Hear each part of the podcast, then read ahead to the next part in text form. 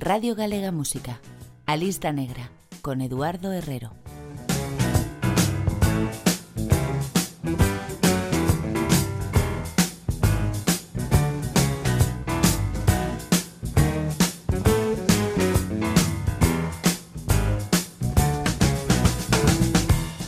Como falar, o blues non ten cancelas. A música máis honesta que existe agromou no Deep South estadounidense a partir de distintos sustratos, nomeadamente os aportados pola comunidade negra procedente de África na época da escravitude, cantos de labor, espirituais ou baladas amorosas. Pero A día doxe, o blues xa é universal e por iso o protagonista desta semana na lista negra é un guitarrista branco, nado en Inglaterra hai 78 anos, que pasa por ser un dos baluartes do blues británico no seu máis de medio século de traxectoria artística. Música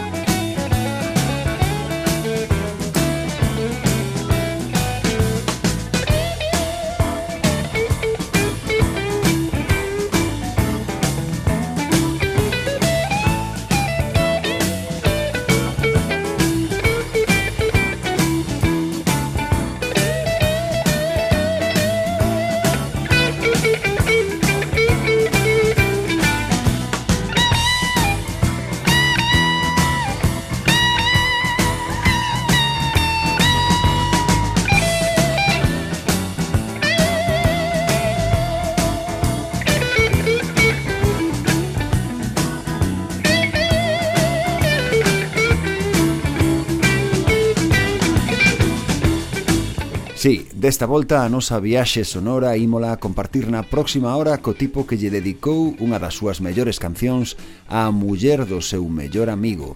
Un supervivente a cantas adiccións poidas imaginar que pasou por dúas bandas seminais do blues no Reino Unido, os Blues Breakers de John Mayall e os Yardbirds, antes de liderar o seu primeiro proxecto, os míticos Scream.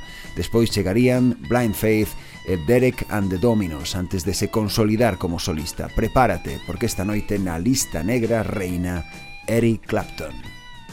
A lista negra, os grandes do blues, en Radio Galega Música.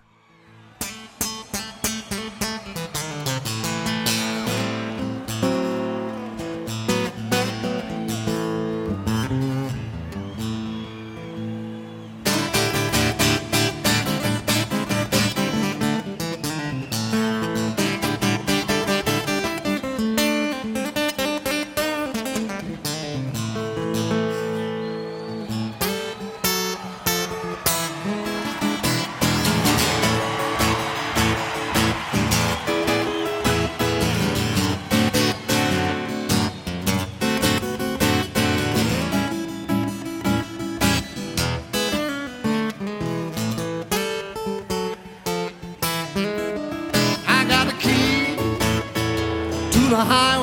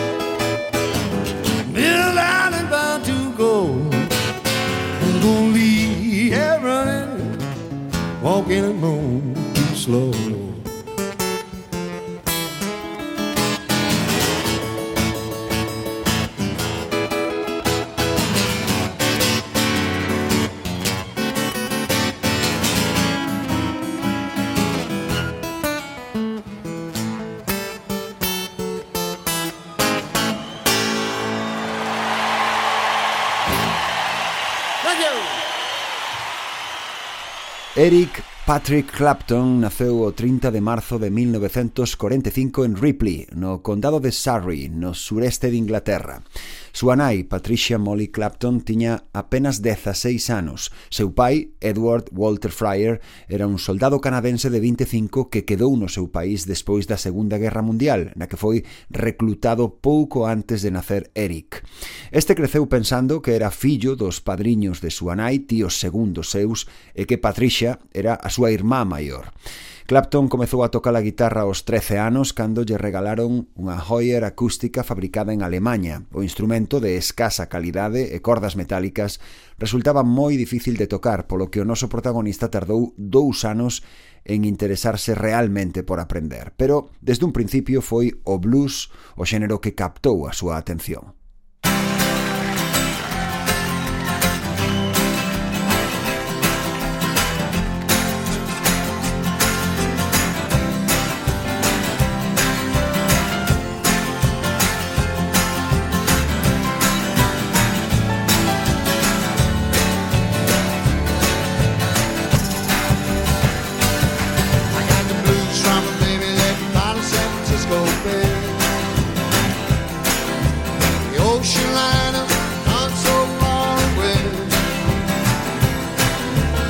get them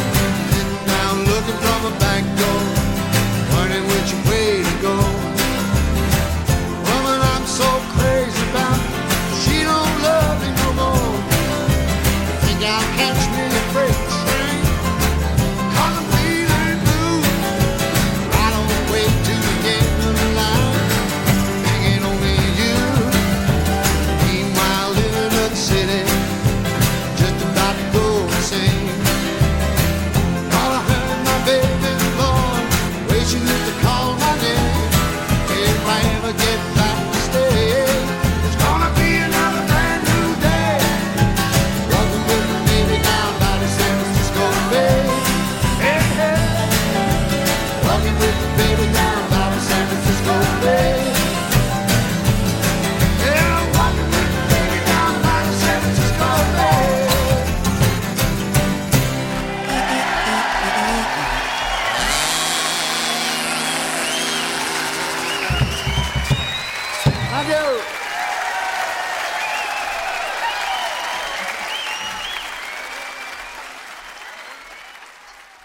As primeiras actuacións de Eric Clapton remontanse a 1962, cando Aos 17 anos formou un dúo cun amigo do instituto que tamén debecía polo blues.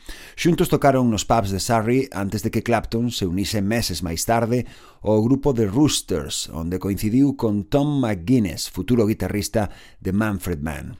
Aquela aventura tampouco durou demasiado. En outubro de 1963, instalado xa en Londres, Eric incorporouse aos Yardbirds, a primeira banda coa que pasaría a historia, emulando o estilo de algúns dos seus heróis como Freddie King, B.B. King ou Buddy Guy, Clapton tomou parte na grabación do primeiro LP do combo Five Live Yardbirds, grabado ao vivo no Marquee Club e integrado únicamente por versións doutros artistas. Aínda que non era o vocalista principal, Clapton compartiu ese labor con Keith Ralph neste Good Morning, Little Schoolgirl.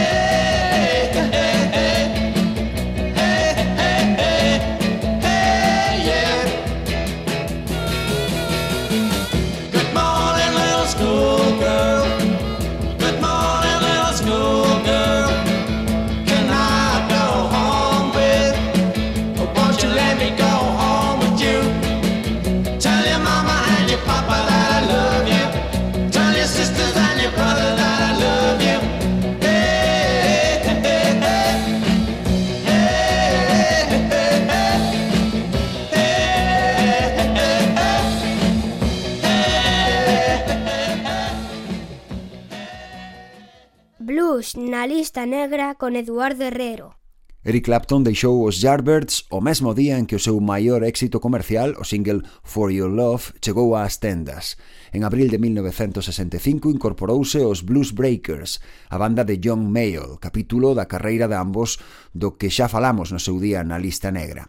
En menos dun ano que pasou como guitarrista principal dos Blues Breakers, a zona de Clapton disparouse durante a súa estadía nun efémero proxecto chamado Eric Clapton and the Powerhouse, en que Steve Winwood exercía de vocalista, o noso home entrou en contacto co baixista Jack Bruce e o baterista Ginger Baker. Con eles formou Cream, o que moitos chaman o primeiro supergrupo da historia. Con Clapton como líder e solista, o trío subiu o blues británico ao carro da psicodelia.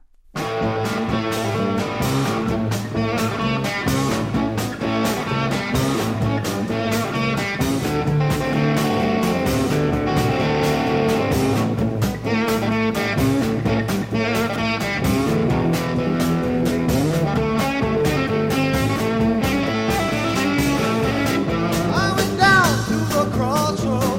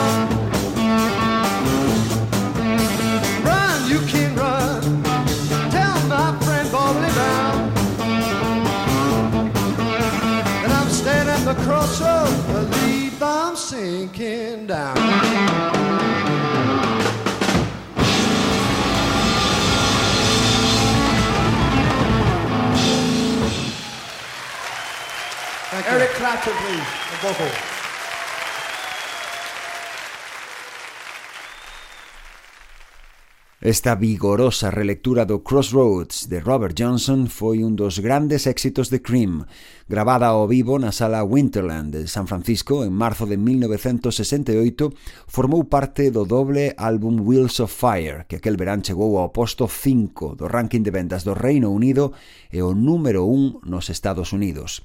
Cream publicaron 4 LPs entre 1966 e 1969. Polo camiño, Clapton rexistrou tamén o fastuoso solo de guitarra de While My Guitar Gently Weeps, unha das xoias do chamado álbum branco dos Beatles. E de paso converteuse en amigo íntimo de George Harrison, relación que superaría o maior dos obstáculos co paso dos anos, o dun triángulo amoroso. Pero non quero adiantarme á historia. Tras o seu paso por Blind Faith, onde volveu coincidir con Steve Winwood e grabou un disco célebre, mas non o suficientemente bluseiro como para lle facer sitio aquí, Eric editou o seu primeiro traballo en solitario.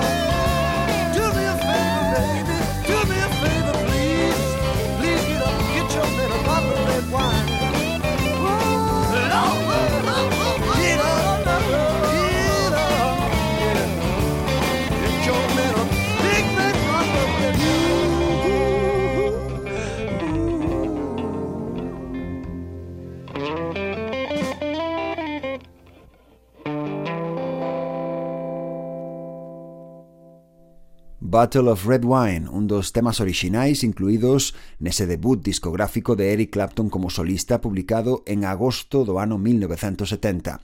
A crítica rendeuse o novo deus branco da guitarra mentres despedía o rei vixente do instrumento Jimi Hendrix, falecido poucas semanas despois.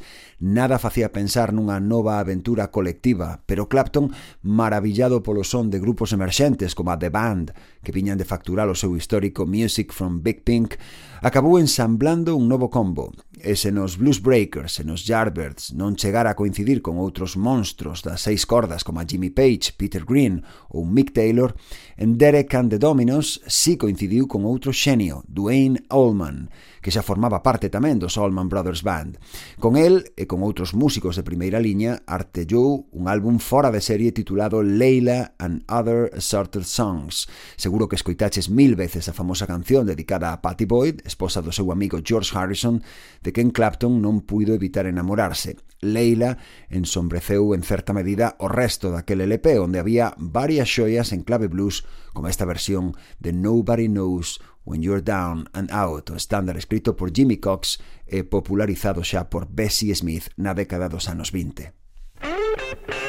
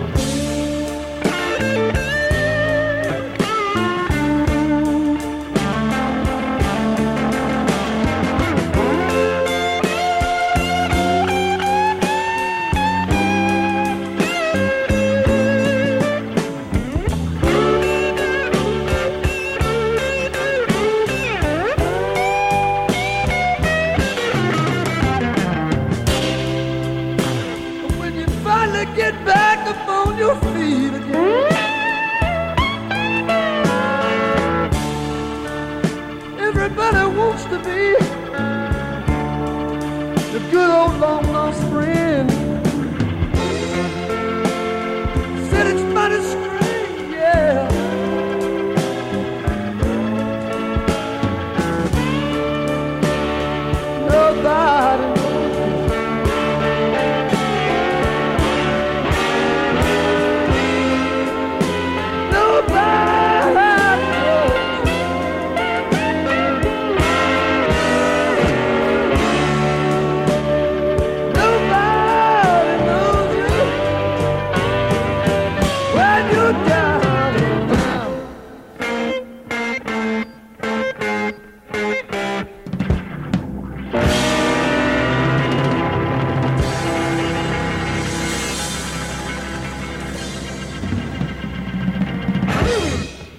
A lista negra, o reduto do blues en Radio Galega Música. A morte de Dwayne Allman nun accidente de motocicleta en outubro de 1971 e o crecente problema de adicción ás drogas de Eric Clapton, nomeadamente a heroína, acabaron con calquera posibilidade dun segundo álbum de Derek and the Dominos. Clapton chegou a perder o coñecemento sobre o escenario do Madison Square Garden de Nova York durante o concerto benéfico por Bangladesh organizado por George Harrison. En 1974, Harrison divorciouse de Patty Boyd e Clapton iniciou daquela unha nova relación con ela, bendecida polo seu mellor amigo. Ese mesmo ano, Eric publicou 461 Ocean Boulevard, outro dos álbumes esenciais da súa carreira.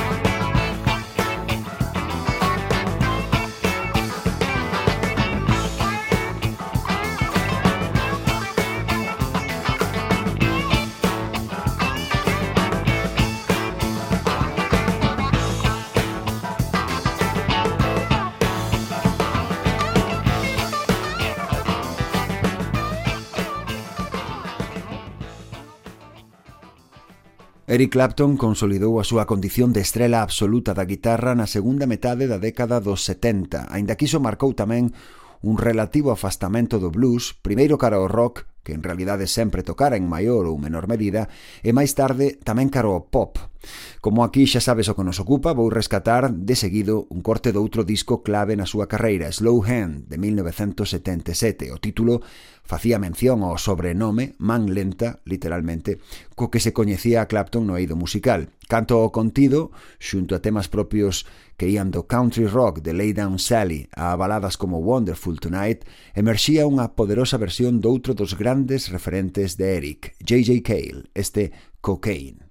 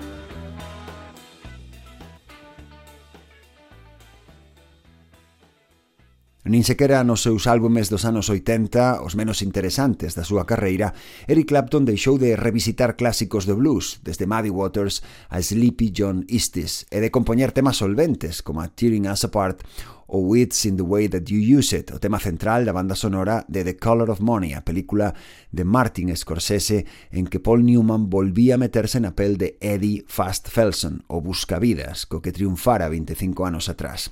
En 1991, un feito tan traumático como a morte do seu fillo Connor, de tan só 4 anos, marcou un novo punto de inflexión na carreira de Clapton. O artista canalizou a súa dor nunha balada Tears in Heaven, publicada dentro dun álbum acústico grabado en directo para a cadea MTV. O tema e o disco tiveron un éxito mastodóntico, seis premios Grammy e 26 millóns de copias vendidas. Ademais dunha homenaxe ao pequeno Connor, Unplugged era toda unha volta ás súas raíces musicais que incluía tamén unha revisión máis bluseira e repousada do seu clásico Leila.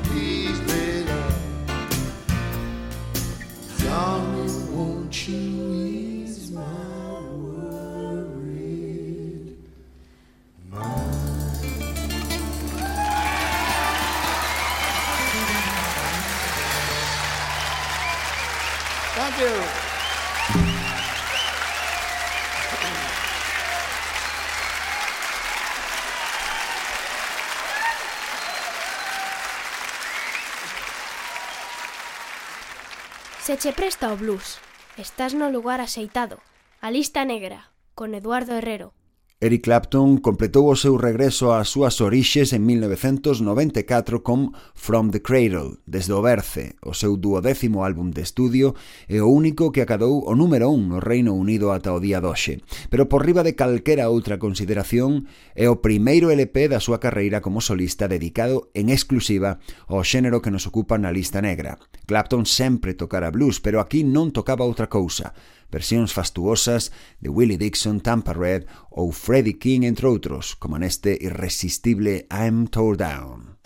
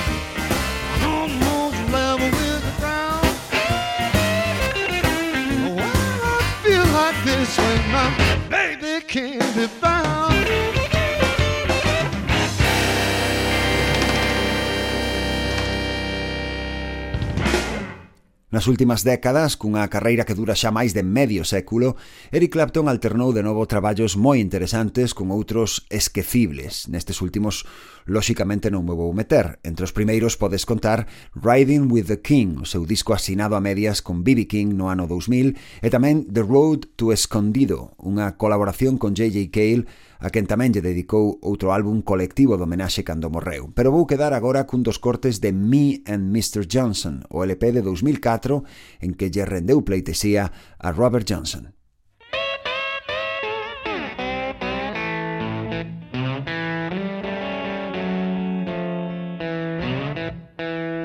It's the last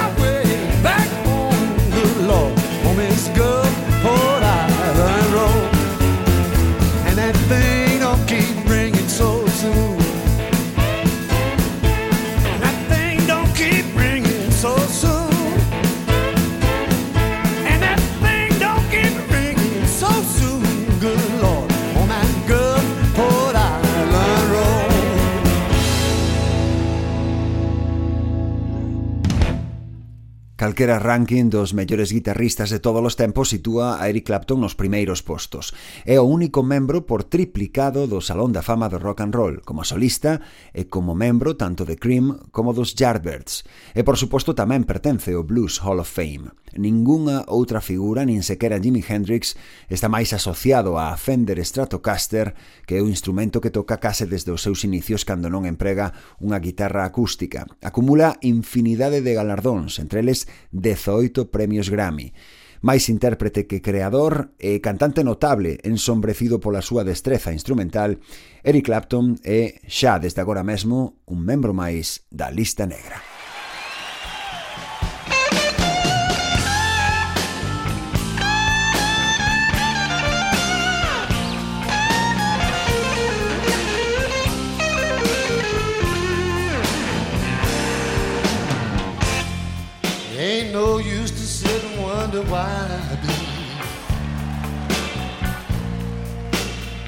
It don't matter anyhow. Ain't no use to sit and wonder why, babe. If you don't know by now. When your rooster crows at the break of dawn. Look out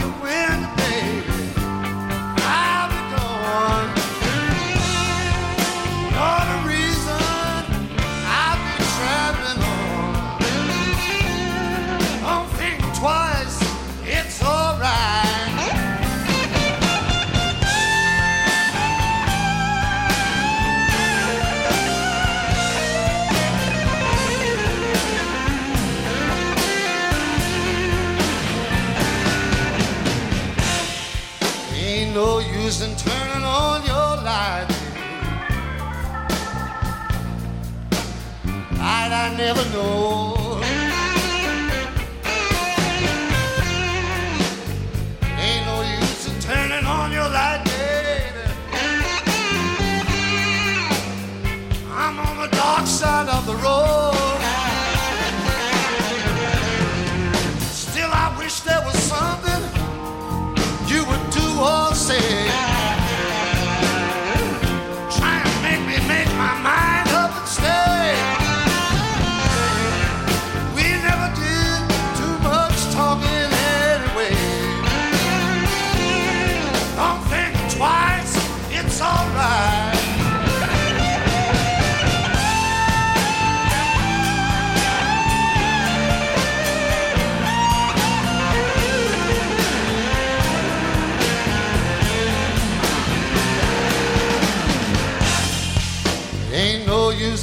Calling out my name. Like you never did before.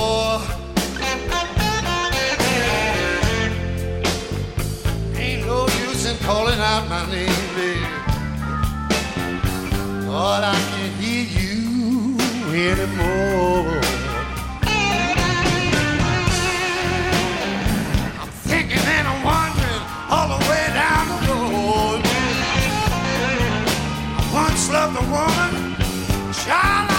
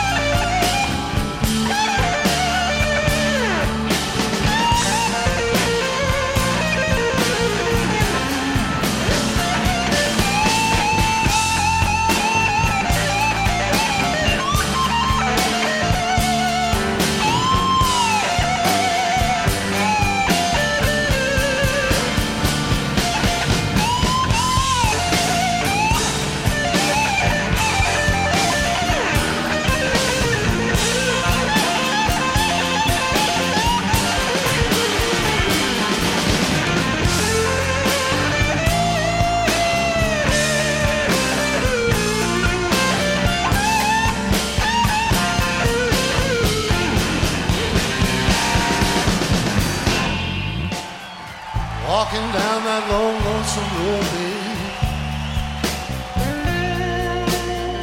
Where I'm bound, I can't tell. Goodbye is too good a word, yeah. So I'll just say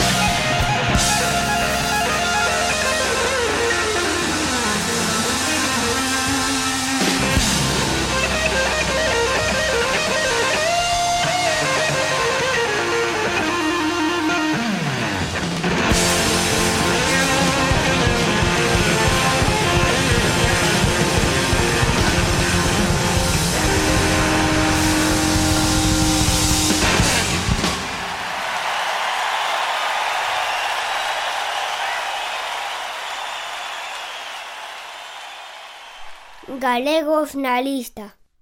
Imos xa cun pouco de blues galego para despedir a lista negra unha semana máis, hoxe da man dun músico coruñés parcialmente exiliado en Jerez de la Frontera, onde pasa varios meses ao ano. Luis Moro, tipo elegante e cunha cultura musical exquisita.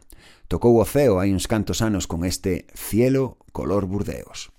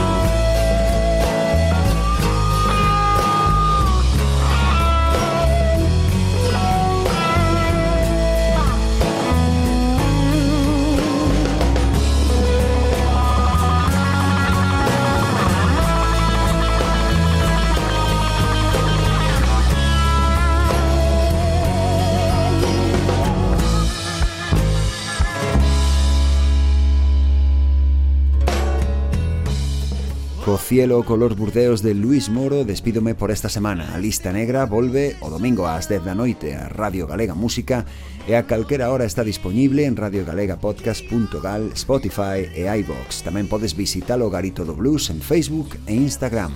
Eu son Eduardo Herrero e non has tardar en volver saber de min, porque cando xa non quede nada, o blues seguirá aí. Yeah.